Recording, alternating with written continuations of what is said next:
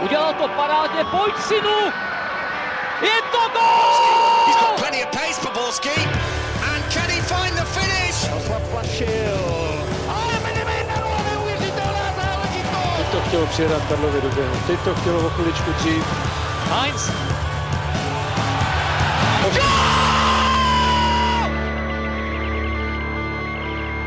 Dobrý den, vítáme vás u dalšího dílu Fotbal Focus podcastu.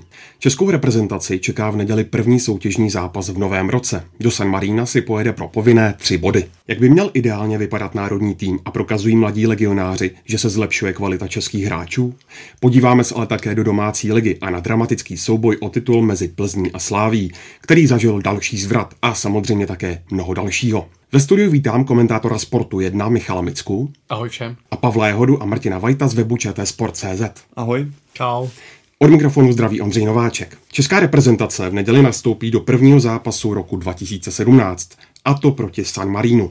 Co vůbec od tohohle soupeře čekat, Martina, když ho porovnáš s dalšími trpaslíky, jako je Gibraltar, Liechtensteinsko nebo Andora, jak na tom San Marino podle tebe je? San Marino je suverénně nejhorší tým v Evropě, to si můžeme říct hnedka na rovinu, ale zase samozřejmě, když eh, se bavíme tady o těch trpaslících, tak ta jejich kvalita není úplně stejná, protože samozřejmě stačí se podívat na Island, který má 100 000 obyvatel oproti těm, co mají třeba těch 30 tisíc. A kam to vlastně loni až dospěl do čtvrtfinále Eura.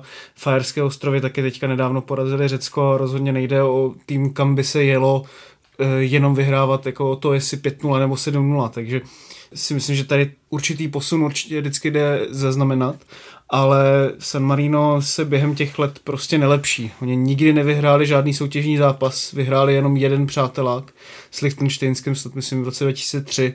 A zvlášť jako když to porovnáme se, s Gibraltarem, který má stejný počet obyvatel, tak Gibraltar má i poloprofesionální tým, který letos porazil v lize mistrů Celtic, takže když to porovnáme právě se San Marinem, kde ta infrastruktura není tak dobrá, kde ty výsledky taky nejsou tak dobré, kde jsou v podstatě jenom amatérští hráči, tak se určitě tady nedá asi aplikovat takové to okřídlené. eh, Dnes už ve fotbale není jako lehký soupeřů, ale eh, myslím si, že určitě je potřeba, aby český tým k tomu přistoupil profesionálně, protože eh, San Marino teď potrápilo doma Azerbajdžán a prohrálo jenom 0-1 a my jsme s Azerbajdžánem remizovali. V Norsku dokázalo vyrovnat na 1-1, i když Norsko nakonec vyhrálo, ale bylo to pro něj hodně dramatické, takže samozřejmě bude to lehký soupeř, ale není určitě radno ho podceňovat. A jak říká známá fotbalová fráze, tak i lehký soupeř papírově může udělat mnohem větší problémy než kdokoliv eh, jiný, kdo hraje otevřený fotbal a jak se říká, chce hrát fotbal, takže ono to v 65. minutě může být 0-0 a v takovou chvíli asi někteří hráči můžou, můžou začít panikařit. Často probíhá debata o tom, jestli zápasy s takovými outsidery nejsou zbytečné.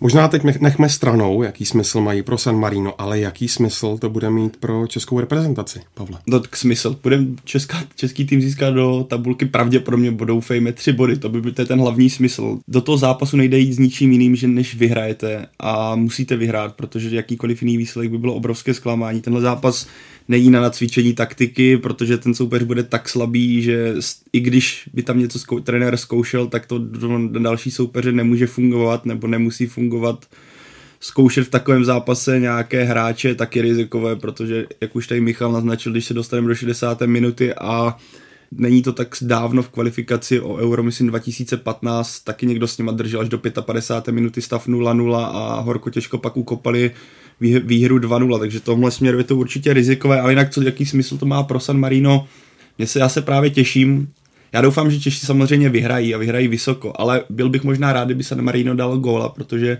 mně se strašně líbí to jejich ten entuziasmus, když dají góla, když slaví v podstatě, jako když vyhrají mistrovství Evropy. A rád bych se na to podíval, i když chápu Kolmana Vaclíka, že by asi nebyl spokojený, že by neudržel nulu, ale rád bych to viděl. Myslím si, že to pro Česko je teď dobré v tom smyslu, že v podstatě celé to březnové reprezentační okno můžou pojmout jako takové jedno velké soustředění eh, před tím zápasem v Norsku, které bude naprosto klíčové v tom červnu, protože trenér Jarolím naskočil do rozjetého vlaku, když vlastně k té reprezentaci přišel a trenéři často že hrají na to, že právě v té jarní části sezóny, že nemají dost času na to, aby, aby si s tou reprezentací nějak sedli a vyzkoušeli si nějaké kombinace, takže si myslím, že tady v tomhle tom, pro ten tým to může být jako hodně, hodně důležité z tohohle pohledu. No. Je to tedy, Michale, tak, že tím hlavním Jarolímovým cílem v utkání eh, se San Marínem bude otestovat a nechat se hrát útok? Já si myslím, že ne. Určitě Karel Jarolím dává už tou nominací najevo, že chce používat mladší hráče, chce vytvořit novou generaci fotbalovou českých hráčů. Není radno riskovat v takovém zápase, protože určité riziko to sebou nese vždycky, i když je to, jak bylo řečeno, nejhorší tým v Evropě problémy to může přinést. Ono přece jenom to nějaký smysl proti těmhle těm trpaslíkům hrát má, protože když si vzpomeneme na to, jak začal ten kvalifikační cyklus, teď vlastně hrozně úspěšné 21, tak oni hráli doma proti Maltě a to je v podstatě v těch juniorských kategoriích prostě soupeř, který je srovnatelný s tím San Marínem kvalitativně. A vlastně právě tam se ten tým chytl, ten tým se uvolnil, nacvičili se nějaké útočné kombinace, Šik dal dva góly a započal nějakou tu svou cestu a bylo to pro něj důležité. Samozřejmě jako otázka je, že oni tam můžou teďka vyhrát 1-0 a pak v Norsku je taky 1-0 a teďka můžou vyhrát 5-0 a pak to bude 0-0, že? takže to, z toho nejde nic vyčíst, ale přece jenom si myslím, že to nějaký tady tenhle smysl má. No. no právě tady je ta těžká podle mě otázka mluvit, nebo problém mluvit o nabrání sebevědomí, když máš další kvalifikační zápas až za tři měsíce. Hmm. Kdyby to bylo právě, teďka by se hrálo se San Marínem a navazovalo by na toto Norsko, tak by to bylo možná dobré, že by právě Češi si zkoušeli něco, vyhráli by a šli by s tím vědomím, že ten úkol zvládli. Teďka to v podstatě si myslím, že to moc nedá, ale samozřejmě jako dobré jít do další části s, s třemi body, ještě teda budou. No, ještě jedna ta věc, vlastně teďka je opravdu velká škoda, že nebude hrát Patrik Šik, protože právě s ním by si mohli na hrotu eh, vyzkoušet, jak to s ním právě funguje a myslím si, že to je prostě hráč už teď určitě do základu eh, reprezentace, zvlášť teda, když se podíváme na ty alternativy, které tam teďka jsou. Když jsme u toho základu, tak si pojďme osvěžit eh, sestavu z uplynulého zápasu s Norskem, kde hráli Vaclík v obraně Kadeřáb, Bek, Sivok, Brabec, Novák a pak Dropa, Krejčí, Dočkal, Hořava, Zmrhal a Krmenčík.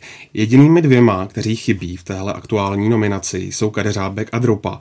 Tak eh, Martina, jaké změny bys eh, do té ideální své jedenáctky udělal? Si myslím, že Darida tam musí jít místo jednoho z těch eh, záložníků. Otázka je, si bude hrát Krmenčík nebo Škoda. Krmenčík teďka dal dva góly, myslím, ve dvou po sobě jdoucích zápasech v reprezentaci, i když se mu teda na jaře nedaří. Škoda nikdy moc v reprezentaci nezářila, až na ten jeden gól vlastně na Euro. Pak je tam otázka defenzivního záložníka, ale to asi nejspíš nebudeme teďka proti San Marino řešit, protože e, ta útočná síla San Marina je opravdu jakoby nicotná, dejme tomu. Obecně bych byl za to, kdyby trenér Jarolím možná zkusil rozestavení 3-4-3, protože si myslím, že tam by právě ta otázka toho defenzivního záložníka nemusela být tak důležitá, protože tam by byly tři stopeři, vyřešil by se do jisté míry taková, taková trochu slabina v tom středu obrany a zároveň by se zužitkovali ti hráči, které máme vlastně v té reprezentaci na nejlepší úrovni, to znamená ty krajní hráči jako je Kadeřábek, Krejčí, Sikora a podobně, právě Kadeřábek by mohl hrát toho halfbacka, kterého hraje i v Hoffenheimu, to by stálo za to i proto, že v reprezentaci dost často bývá to, že tam nebývá moc experimentů a nebývá moc týmů, které se nějak odlišují. A ty týmy, které se odlišují, právě mají něco, něco, něco napřed no, před těmi ostatními. Mimochodem včera se hrál přípravný zápas s Litvou. Eh, myslíte, kluci, že se k tomu má smysl nějak vracet? Dalo se z něj třeba něco vyčíst nebo šlo prostě o rozehřívací tréninkový zápas? Dalo se z něj podle mě vyčíst nebo vzít si to, že Jakub Jank to může být skvělá posila pro reprezentaci. Jako ne, nehodnotil bych to nějak výkonově, protože to byl fakt přípravný zápas o dvou jedenáctkách kdy ta druhá podala lepší výkon, ale což bylo podle mě ovlivněné taky tím, že dali brzy gól, což taky zapůsobí na hru, ale co se dá vzít, což už bylo tady nastíněno, tak že Michal Krmenčík dokáže v reprezentaci podávat dobré výkony, i když se mu třeba v Lize tolik nedaří, že Jakub Jank to je ve výborné formě a že i v 21 letech má takové sebevědomí, jako dá se říct asi velká část reprezentace, možná ne a že, no, že se dá stavět podle mě na souhře slávistů, kteří, kterým to šlape v lize. Myslím si, že právě se docela ukazuje, že česká reprezentace začíná mít zase nějakou zálohu, která je na dobré úrovni že by tam mohli hrát, dejme tomu třeba právě Sikora, Darida, Jankto, Krejčí, tak to už je podle mě nějaká sestava, která by se určitě nestratila v nějakém týmu širší špičky, nějakých elitních lig a zálohy právě rozhodují. No. Jak už jsme říkali, proti San Maradinu nebude moci nastoupit talent roku Patrik Šik, který o víkendu v zápase s Juventusem utrpěl zranění kotníků. Michale, ty ho máš na očích týden co týden. Co stojí podle tebe za jeho raketovým zestupem v téhle sezóně v Sampdory a kam si myslíš, že by to až mohl dotáhnout? Patrik Šik je asi pro nás všechny tady takovým hodně příjemným překvapením. Už eh, když hrával Bohemians na hostování, tak eh, bylo vidět, že je nadstandardní na, na Českou ligu, že to je fotbalista, který si troufne jít do souboje jeden na jednoho a to bohužel v českých krajích luzích není úplně často k vidění. A úžasný je to, že on si to dokázal přenést do série A, tu kvalitu, kterou měl, měl u nás, tak eh, dokáže produkovat i tam, i když ta soutěž je samozřejmě o několik levelů vejš je fotbalově drzej, ale zároveň nehraje bez respektu. Trenér Gianpaolo bohužel teďka mu nedává úplně často prostor v základní sestavě, on ho má jako žolíka, většinou ho pošle v 55. 60. minutě na hřiště, ale já to, já to dokážu pochopit, protože Patrik Čik je přesně ten typ, který když přijde do zápasu, tak něco dokáže změnit. On, on má takový ten nadstandard, který, kterým naruší obranu soupeře a dokáže rozhodnout zápas. Když nastoupí v základní sestavě, tak jede podle nějakých týmových uh, taktických pokynů a, a nemá, nemá tak volnou ruku. Takže mu tahle ta role v úvozovkách bohužel sedí mnohem víc. Každopádně je to kluk, uh, který určitě má na to hrát v top evropském klubu. Teďka se spekuluje nejvíc o Interu, který má připravený údajně už peníze. Já osobně bych asi v jeho případě volil možná přestup, ale ještě s ročním hostováním v Sampdory, protože v kádru Interu by se asi teď nedokázal prosadit. Tam je Mauro Icardi, kapitán klubu, který možná odejde v létě, ale ani tak si myslím, že by, že by Patrik nebyl útočníkem číslo jedna, že by Inter zainvestoval do někoho, kdo je marketingově zajímavější momentálně. A v té Sampdory přeci jen může dostat trochu více prostoru pro mě ještě takový český úkaz. Já, my jsme se tady o tom bavili s Michalem hnedka před nahráváním, že kdybych nevěděl, že to je český hráč, tak bych si řekl, že pochází z nějakého Španělska nebo Itálie nebo Brazílie, co se technikou týče, abych doporučil posluchačům, kdo to neviděl, ať si třeba na YouTube najde video Patrika Šika v, v Janovském derby proti Janovu, co tam předváděl za kličky. To jsem od českého hráče neviděl no nedokážu říct, neviděl jsem to snad nikdy možná dokonce takové triky. On je, na něm je úžasné, že je vysoký, ale rychlý, atletický, strašně hbitý a úplný prototyp podle mě moderního fotbalisty, což je skvělá zpráva pro reprezentaci, kolem které bylo taková, řekněme, taková pesimistická aura, co se nějakého vývoje týče. Ještě když si vlastně vezmeme, že v tom evropském fotbale se neprodukuje moc úplně světových těch hroťáků, tak si myslím, že právě ta jeho cena by mohla být ještě větší než třeba před nějakými 15-20 lety.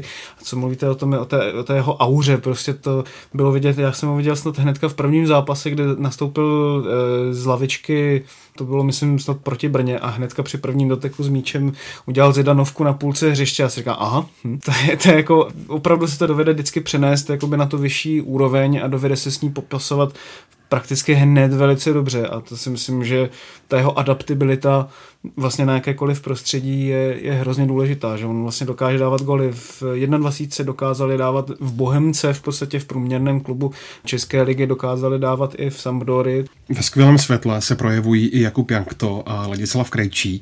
Pojďme se nejdřív podívat na bývalého Spartana, jak probíhá jeho aklimatizace v Boloni a jak se jeho herní projev liší od doby, kdy působil na letné, Michale? Já myslím, že Vladislav Krejčí neskutečně dozrál především po mentální stránce, protože on byl v Čechách vlastně zvyklý hrát víceméně o titul, o, o přední příčky a najednou se dostal do mužstva, kde má víceméně stejnou roli, ale Boloňa je teď tuším na 13. 14. místě.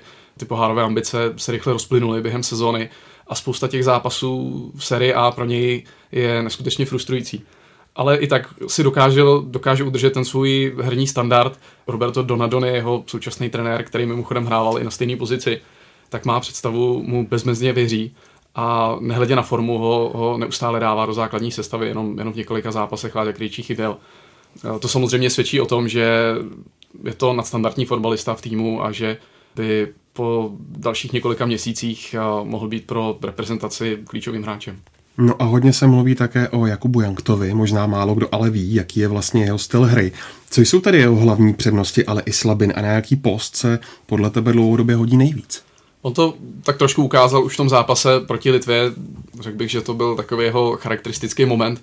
V Udinese hraje vlastně ve tříčlený záloze, hraje tam univerzála, v Anglii tomu říkají box-to-box midfielder, znamená to, že má víceméně na všechny složky hry a on má neskutečný tah na bránu. On, kdykoliv je možnost, kdykoliv se jenom malinko otevře prostor, tak vezme balón a upaluje k pokutovým území, umí vystřelit z dálky a podobně jako Patrik Šik je zdravě sebevědomý. Není tam strach, není tam zbytečná bázlivost.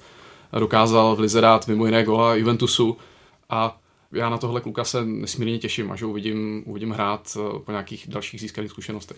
Toho Jank to je taky dobré, že nebo, Michal, Michal ještě tak mě opravě si kecám, ale podle mě, že mu dává i trenér hodně šancí u standard, takže kope velkou část standardních situací z toho plynou i asistence, kterých on má už spoustu. A mně se líbí celkově ten příběh, co on měl že v létě ho chtěli snad poslat na hostování, ale on trenéra nakonec zaujal natolik, že si ho v nezanechali a nejen, že si ho nech, teďka se to ukázalo jak výbornou volbu v podstatě, nebo jak se ta náhoda sešla, že na jednou z hráče, kterého si nechali díky uh, zaujetí výkonu, se stal v podstatě klíčový hráč základní sestavy, nebo jeden z základních kamenů záložní řady, což je neuvěřitelné v 21 letech.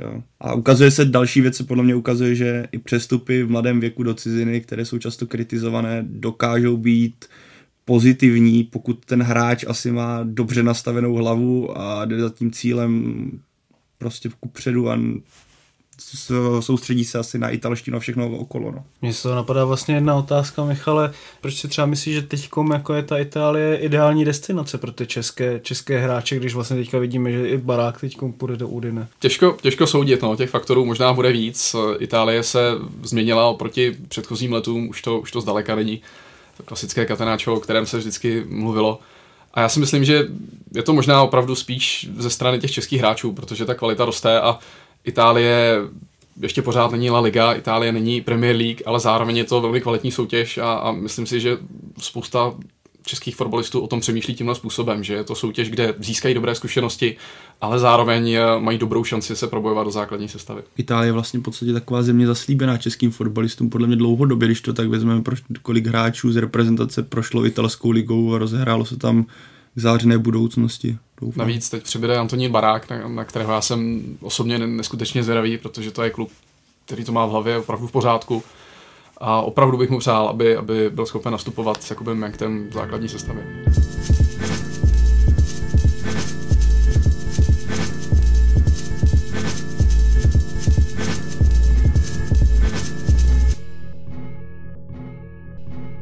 Nabité 21. kolo má za sebou i česká nejvyšší soutěž. Do čela ligy se vrátila Plzeň, která odehrála parádní utkání s Karvinou a nakonec vítězila 3-2.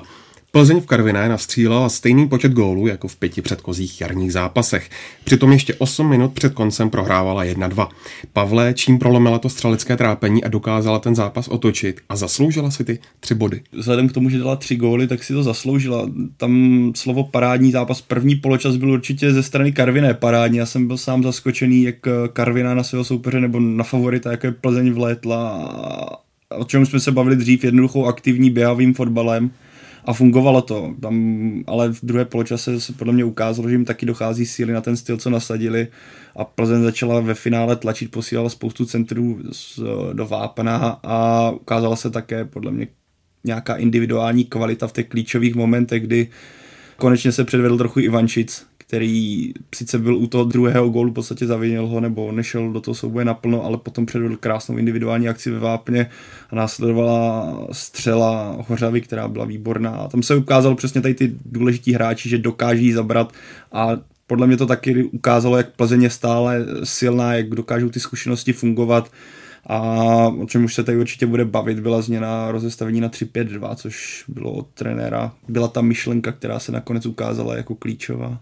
Plzeň předvedla určitě nejlepší výkon na jaře, minimálně teda směrem dopředu, protože Karvina opravdu mlela, tam bylo to nasazení opravdu vidět, zvlášť v tom druhém poločase, kde třeba Hromada tam pokryl obrovský množství prostoru a byl tam boj o každý podražený míč, což jsem prostě od Plzně na těch hřištích soupeřů hlavně teda e, za stolik neviděl v minulých týdnech a měsících. A Plzeň i když to měla trošku jednodušší, protože Karviná dostává hodně gólů, tak eh, v tom druhém poločase hrála v podstatě do plných a přesto se dovedlo prosadit a když si vezmeme, že po té prohře na hřišti Slávě třikrát v řadě vyhrála, tak to ukazuje hodně jakoby, o její síle. No. Myslíš, Martine, že by ta výhra mohla znamenat klíčový moment pro kouče Pivarníka ve Viktorii?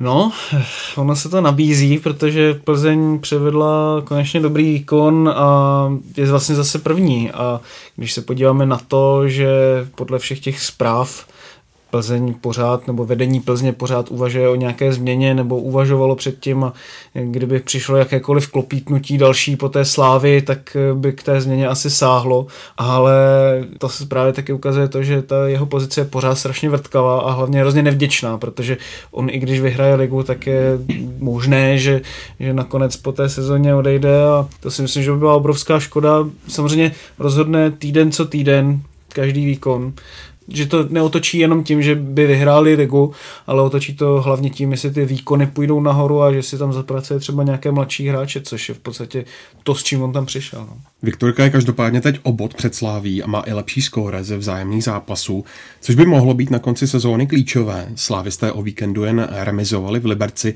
Máš, Michale, pocit, že na Slávy začíná doléhat tak trochu tlak? Nemyslím si, že by na ně doléhal tlak popravdě očekával jsem to, že, že nevydrží tu svoji šňůru prostě tímhle způsobem a natahovat.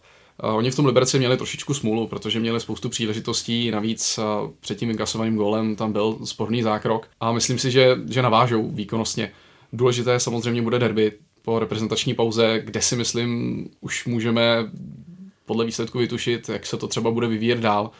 Každopádně myslím si, že ta remíza v Liberci s nima nezamává nějakým zásadním způsobem. Přesně tak, Slávě tam hrála dost dominantní roli, do ní, by tam padly ze začátku tři góly, tak ten zápas vypadal úplně jinak. Teďka bychom se bavili, samozřejmě to kdyby, ale bavili bychom se úplně jinak, protože Slávě tlačila skoro celý zápas, i když Osobně jsem si myslel v 60. minutě, že to určitě Slávě dotáhne k výhře a tak závěrečný, závěrečný tlak zase nepřišel tak drtivý. Ale co se týče celku určitě Slávě hrála dobrý fotbal, nebylo to něco, akorát tam tentokrát nebylo štěstí jako proti Plzni a proti Teplicím, kdy dali gol eh, v závěru. A takhle tímhle bych chtěl požádat trošku nad sázkou vedení Slávě, jestli by mi mohlo proplatit tiket, protože jsem měl na ně sazeno a tohle se mi nelíbilo, jakože to, tohle mi odstřelilo tři stovky a nejsem z toho hodně, jsem, byl jsem z toho hodně smutný. Takže pokud někdo slyší, tak... Aha, proto jsem si dal 0,2 ale stejně to ostřelil Slovance Zlatýma Moravcema. Takže... Martine, eh, co stálo za tím, že Slávia ztratila body? Rozeber to ještě trošku víc. Myslím si, že hlavně tam byl výpadek eh, ke konci prvního poločasu, kdy Slávia nebyla za stolik koncentrovaná možná a nedokázala reagovat na to, že Liberec hrál velice agresivně a s velkým nasazením a právě tady tenhle ten výsledek pro ní může být takový dobrý kopanec, protože ona kdyby zase vyhrála vlastně v závěru, protože tam jsme se bavili o ofenzivní mašině v některých předchozích dílech a opravdu měla hodně šancí ale teďka ji trápí docela špatné zakončení, protože v některých těch tutovkách to není prostě jenom o zákrocích, to je o tom, že ten míč prostě neumístíte přesně, že jo.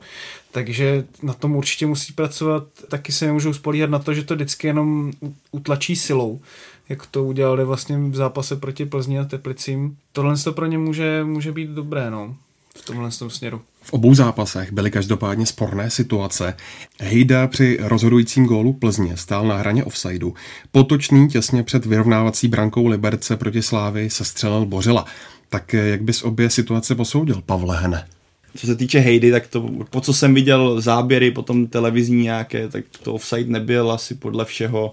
Takže sudí to udělali za prvé citlivě a za druhé teda ve finále dobře protože tohle, mi přijde vždycky, že kolem Plzně je takové, znovu použiju tu auru, že jaký, jakákoliv chyba se strašně řeší a kdykoliv se něco teda stane, tak se píše, že Plzni zase pomohli rozhodčím. To jako už mě to trochu, nechci hádit samozřejmě Plzeň, ale trochu mi to tak jako vadí, že to vždycky kolem toho vznikne strašný boom a tohle, třeba tenhle moment, kdyby skutečně tam byl o trošku ten offsideu hejda, tak to bylo tak těžké posoudit pro toho rozhodčího, že já bych mu vůbec nevinil za to. Takže v tomhle je výborně, že to dopadlo, jak to dopadlo. Té Slávy to byla právě smůla Slávy, že to byl podle mě jasný faul.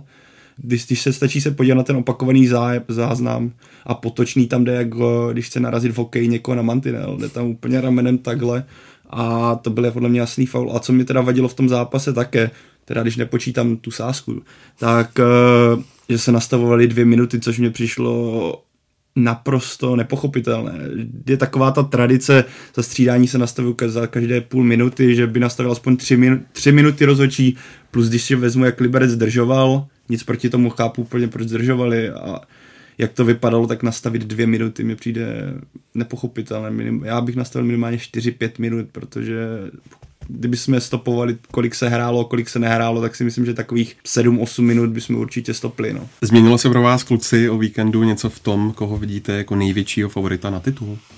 Je určitě ještě hodně brzo, abychom to zase přeházovali zpátky na Plzeň, ale když se podíváme na ten los, tak eh, Plzeň má teďka před sebou tři zápasy, od kterých opravdu čekám, že získá tři body. Má Teplice doma, Hradec venku a Slovácko doma. To opravdu jako nejsou zápasy, ve kterých by měla ztrácet. Naopak právě Slávě má derby, které může dopadnout jakkoliv a potom hraje v Karviné. Čím dále vlastně bude Plzeň na tom prvním místě a má k tomu dobře nakračeno teďka, tak eh, tím vlastně ten tlak na tu Slávy může stoupat a to možná, možná může jako vypadat, že to teďka se přibližuje ve prospěch Plzně, ale e, Slávě, kdyby měla ten titul prohrát jenom proto, že remizovala teďkom Liberci, tak by to bylo strašně kruté, protože hraje pořád nejlepší fotbal a myslím, že tam bylo vidět, že je pořád momentálně nejlepší tým v České lize. Jak bylo řečeno, tak derby asi bude mít hodně zásadní vliv na to, jak se to bude vyvíjet dále.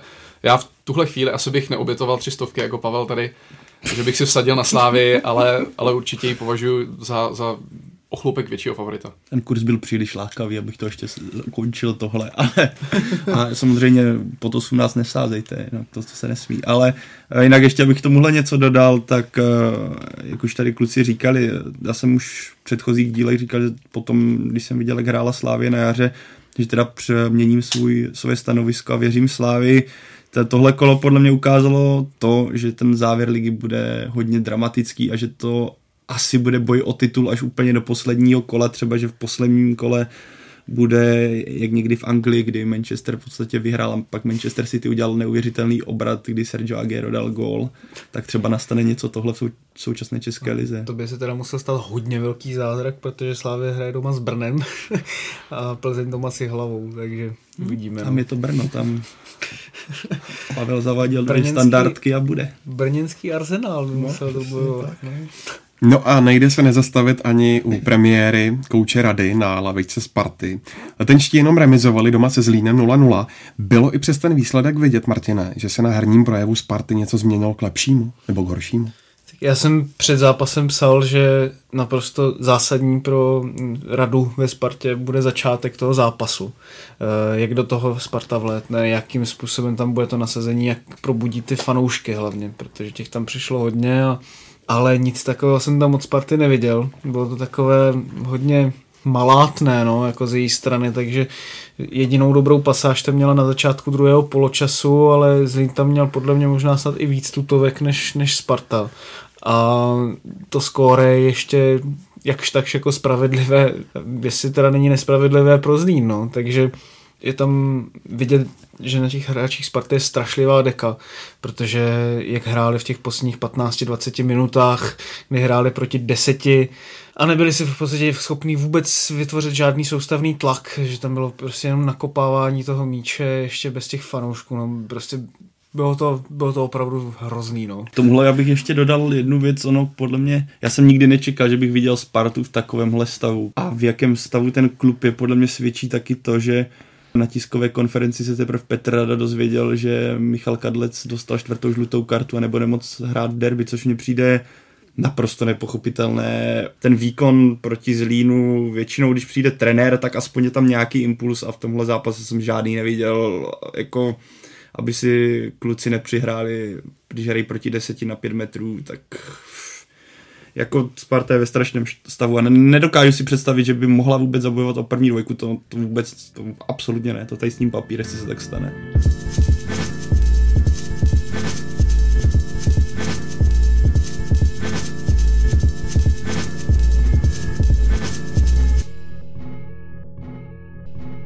Pojďme dále. Kouč Hradce Bouslav Pilný po remíze s Brnem na emotivní tiskové konferenci oznámil rezignaci. Tu ale jeho klub nepřijal. Na situaci v Hradci se více podíváme v příštím díle Fotbal Focus podcastu.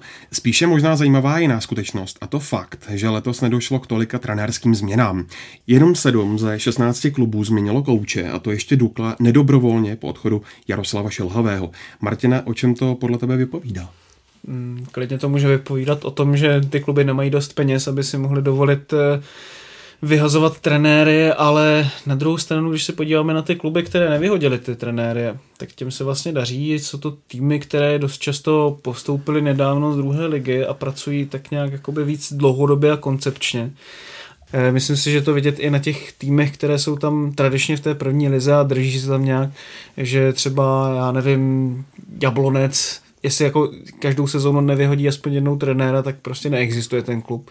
To samé prakticky mladá Boleslav. E, myslím si, že kdyby některý z těch koučů, který je třeba, nevím, ve Zlíně, v Karviné, v Liberci, nebo i na Slovánsku, nebo v Brně, všechno kluby, které v posledních deseti letech, jakoby, kromě teda Liberce, někdy se stoupily, byl právě v Boleslavi nebo v Příbrami nebo v Jablonci, tak by tam měl strašně těžké pořízení, protože tam to vedení nefunguje tak nějak, že by, že by tomu kouči dalo prostor. No.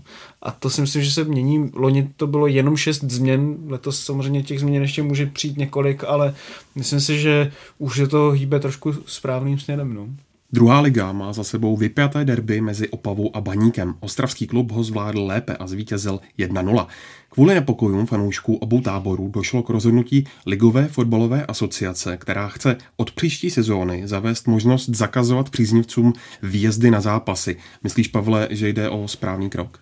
správný krok. Jak ono to asi nebude nic proti ničemu, když se teda uzavře. Já to chápu teda tak, že by se uzavřel sektor hostů, jestli to chápu, opravte mě, jestli to tak nedí. Taky to tak chápu. Ale když to tak vezmeme a ten zápas, já nevím, jestli to bylo přímo jako, že by tohle rozhodnutí bylo zapříčiněno tímhle zápasem, ale pokud bychom se měli vrátit tomuhle zápasu, tak tam, tam nebyl problém toho hostujícího sektoru, tam byl problém toho, že baníkovci se dostali v podstatě, si dali raz před stadionem a protestně protestovali před stadionem, což by tohle řešení vůbec nějak nevymítilo a vůbec si nedokážu představit, jaký řešení by mohlo na podobnou situaci nebo zamezit podobné situaci, by něco takového nastalo. Takže ano, může to být jako v něčem prospěšné, ale nemyslím si, že je to nějaké řešení, které by mělo řešit pomoci eh, napravit nějaké velké problémy. Podle mě to je jenom zametání pod koberec, protože když si vezmeme všechny třeba ty fanoušky baníku, kdyby měli lístek do hlavní tribuny, tak, tak ho prostě mají. Tak ho prostě mají a prostě no nepřijdou třeba, já nevím, ve svých dresech, ale přijdou v černých barvách, jako chodí většina ultras. Takže nevidím v tom jako nějaký koncepční krok, to se musí řešit jinak, no. Tam vlastně Fatcher, myslím, teďka přemýšlelo té zprávě, co vydal Fatcher nebo LFA, tak byly, bylo i to, že se tvoří databáze problémových fanoušků, což je podle mě cesta, ale jak sami řekli, tak k tomu k dokončení té databáze je ještě hodně daleko, nebo je ještě daleko, tudíž tohle by měl být jako klíč ke všemu, ale dokud to nebude, tak se nemůže udivit, že pořád na stadionech budou problémy. No.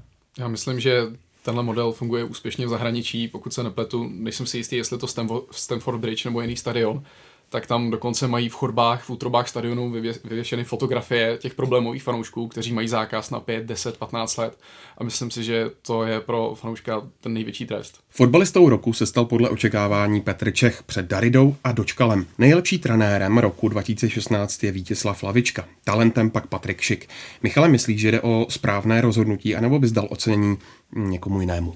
Já osobně bych asi zůstal u Petra Čecha, Samozřejmě cítím asi jako mnoho lidí, že je to ocení spíše za zásluhy, než, než třeba za poslední rok nebo za poslední sezónu. Petr Čech měl určitě lepší roky, ale on je, on je takovým tím posledním členem té zlaté generace české. Obecně asi stále nemá konkurenci, co se týče své fotbalové úrovně. A co třeba trenér Lavička? Tam je to samozřejmě věc k diskusi. No. Každý, každý vnímá tu trenérskou činnost jinak. Někdo se zaměří na výsledky, někdo se zaměří na herní projev, jiný kdo je, kdo je trochu více insider, jak se říká, tak cítí i změnu atmosféry v kabině. A nemyslím si, že by, že by Vítězslav Lavička dostal tohle ocenění nezaslouženě. Já bych se ještě vrátil k tomu fotbalistovi. Podle mě Petr Čech stabilně trošku ta jeho výkonnost jde dolů. V Arsenálu taky nechytil penaltu od té doby, co přišel do klubu, což byla také jeho naprostá doména, jo? když si vzpomeneme, jak vychytal vlastně ten rozstřel eh, ve finále 21 ale prostě má, má ty rekordy, má nejvíc čistých kont na svém kontě, dopomohla Arsenalu k druhému místu, jak sám říká, což nevím, jako jestli v roce, kdy vyhrál Leicester, je úplně něco, čím by se měl chlubit, jo, ale eh, když si vezmeme třeba právě toho Daridu, tak eh, on byl jedním z těch naprosto jako hlavních článků toho týmu. Herty, který se nečekaně dostal vlastně až na to páté nebo šesté místo loni v Bundeslize, takže si myslím, že tam by svým způsobem to ocenění mělo i, i větší dosah. No a tak ještě u těch trenérů, abych se trochu pozastavil nad tím, že mě překvapilo, samozřejmě se Zdenkem Šťastným to dopadlo tak, jak to dopadlo, ale je to první... Jak to dopadlo? No takže odešel, že jo. Ale... Ne, já myslel, eh, co se týče eh, trenéra roku. No, eh, tam to dopadlo tak, že on vlastně vůbec nebyl ani v nějaké té širší nominaci, že tam bylo třeba před ním, tam bylo třeba 20-30 men, Jo, což mi přijde naprosto jako absurdní u trenéra, který dostane svůj tým do čtvrtfinále Evropské ligy, což už se českému týmu nepodařilo 15 let a ten tým navíc hrál skvělý fotbal. No a musíme se taky zastavit u jedné velké změny klubového loga, které si v ničem nezadá s takovými velikány, jako je Juventus. A to doslova, že jo, Martina? No ano, klub T Sokol Jarcova hledal nový klubový znak a opravdu nemálo se inspiroval u nového a hodně diskutovaného loga Juventusu. V podstatě to logo je totálně obšlehlé, akorát eh, místo těch dvou Jček eh, mě protáhle to vrchní, tak aby tam bylo T místo je. Klub vlastně na svých stránkách píše základním požadavkem pro vznik nového loga ještě tam napsané nové loga, znaku či symbolu našeho klubu bylo tvořit něco, co by vystěhovalo vše podstatné spojující sportovní historie Sokolu a obec Jarcovou. V písmenech TJ se může skrývat spoustu jiných souvislostí a je tam smajlík. Um, Ty slovní ekvilibristika na jedničku. Naprosto. A ještě, ještě nejkrásnější tam je, že je tam upozornění, že na výše zobrazená loga se vztahuje zákon číslo 121 2000 sbírky o právu autorském, takže Výborně. tak. Každopádně Juventus má za sebou los čtvrtfinále Ligy mistrů, ve kterém se potká s Barcelonou.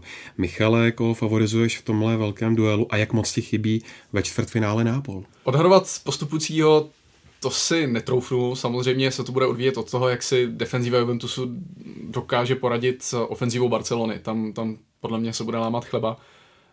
Uh, Juventus uh, je samozřejmě lídrem série A, ale obávám se, že v některých zápasech v jeho případě rozhoduje kvalita individuální a, a schopnost uh, přetlačit soupeře, mentální síla. Oni, oni spoustu zápasů vyhráli 1-0, 2-1 a bylo to o tom, že Mario Mandzukic prostě v 75. minutě dokázal dát góla hlavou a pak už nepřišlo nic. Uvidíme, jak to bude fungovat eh, proti Barceloně, jestli Massimiliano Allegri vymyslí něco neortodoxního, nebo jestli zůstane věrný svým dosavadním taktickým plánům. Uh, opravdu, opravdu se netroufnu odhadovat. A co se týče Neapole, tak eh, tam mi chybí, protože uh, mluvili jsme o tom, že Slávě hraje nejpohlednější fotbal v České lize. Já si troufnu říct, že Neapol hraje nejpohlednější fotbal uh, v Itálii, ještě s Atalantou v současné době. A uh, určitě je to škoda, no. Na druhou stranu ten vzestup byl nesmírně rychlý a já jsem upřímně, objektivně neočekával, že by se dostali až takhle daleko a že by dokázali v úzovkách potrápit Real. Já mi se strašně líbí, co, co proč mi bude Neapol taky chybět, tak ta atmosféra, co byla proti Realu, hmm. to bylo něco neuvěřitelného.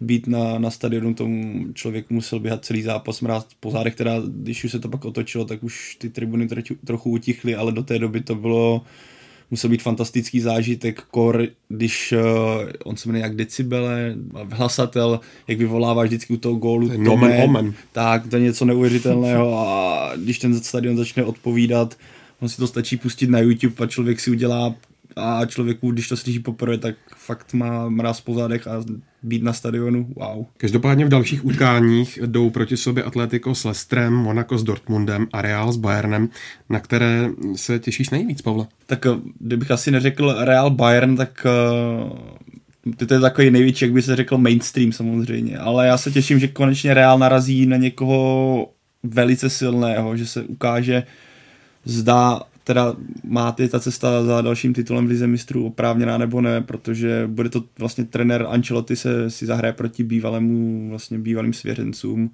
bude tam v dresu Bar- Bayernu nastupuje spoustu Španělů, Real usiluje, já nevím, kolikátý, jedenáctý, dvanáctý, vlastně tak dokonce dvanáctý. Tady tyhle starý čísla, to je špatný pro mě.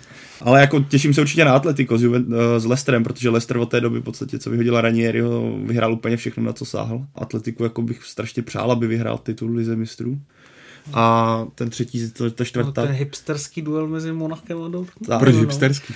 Já si myslím, že tam je prostě dva týmy, které hrají velice progresivní fotbal, mm, zvlášť tu Dortmundu je opravdu pěkná i ta klubová filozofie, jsou hrozně útočné ty týmy, jsou to v podstatě jakoby outsidři, takže tam si myslím, že tam padne hodně gólů. Myslím si, že se můžeme těšit na skvělý duel, který si v ničem nezadá už jakoby s tím skvělým osmi finále eh, s Manchesterem City, co odehrálo Monaco a podle mě minimálně polovina toho týmu, individuálně ti hráči, kteří jsou dneska v Monaku, tak budou patřit k těm nejlepším v Evropě do pár let, pokud už teďka nepatří třeba Kylian Bape, který je opravdu neuvěřitelný. No. Obecně se mě ten los vlastně toho čtvrtfinále strašně líbí, protože si myslím, že dává dohromady jak ty těžké váhy, které se do posud vždycky vlastně potkávaly až v těch posledních fázích, už to byla trošku nuda v těch posledních letech, tak teďka vlastně je, bude poprvé za x let, kdy Real nebo Bayern, některý z nich vypadne už vlastně takhle, takhle brzo. Tady vlastně z těch osmi týmů si nedovedu vybrat jak úplně jednoho hlavního favorita, každý tým má nějaké slabiny, každý tým má nějaké odlišné přednosti, takže na tohle čtvrtfinále se opravdu těším jako málo kdy v minulých letech, takže to už uzavřít jenom koukejte se. Koukejte se a poslouchejte Fotbal Focus podcast, vše na webu čtsport.cz. Já vám každopádně děkuji, pánové, že jste přišli a vám posluchačům díky za pozornost. Připomínám adresu čtsport.cz a taky SoundCloud, iTunes a další podcastové aplikace, kde nás najdete a kde se také můžete přihlásit k pravidelnému odběru a podcast tak budete mít k mání už v malém předstihu. Velmi nám taky pomůžete recenzemi a hodnoceními. Budeme rádi za každý váš dotaz, připomínku nebo komentář na sociálních sítích. A taky nám můžete psát mail web čtsport zavináč česká televize.cz. Mějte se hezky a do příštího týdne naslyšenou.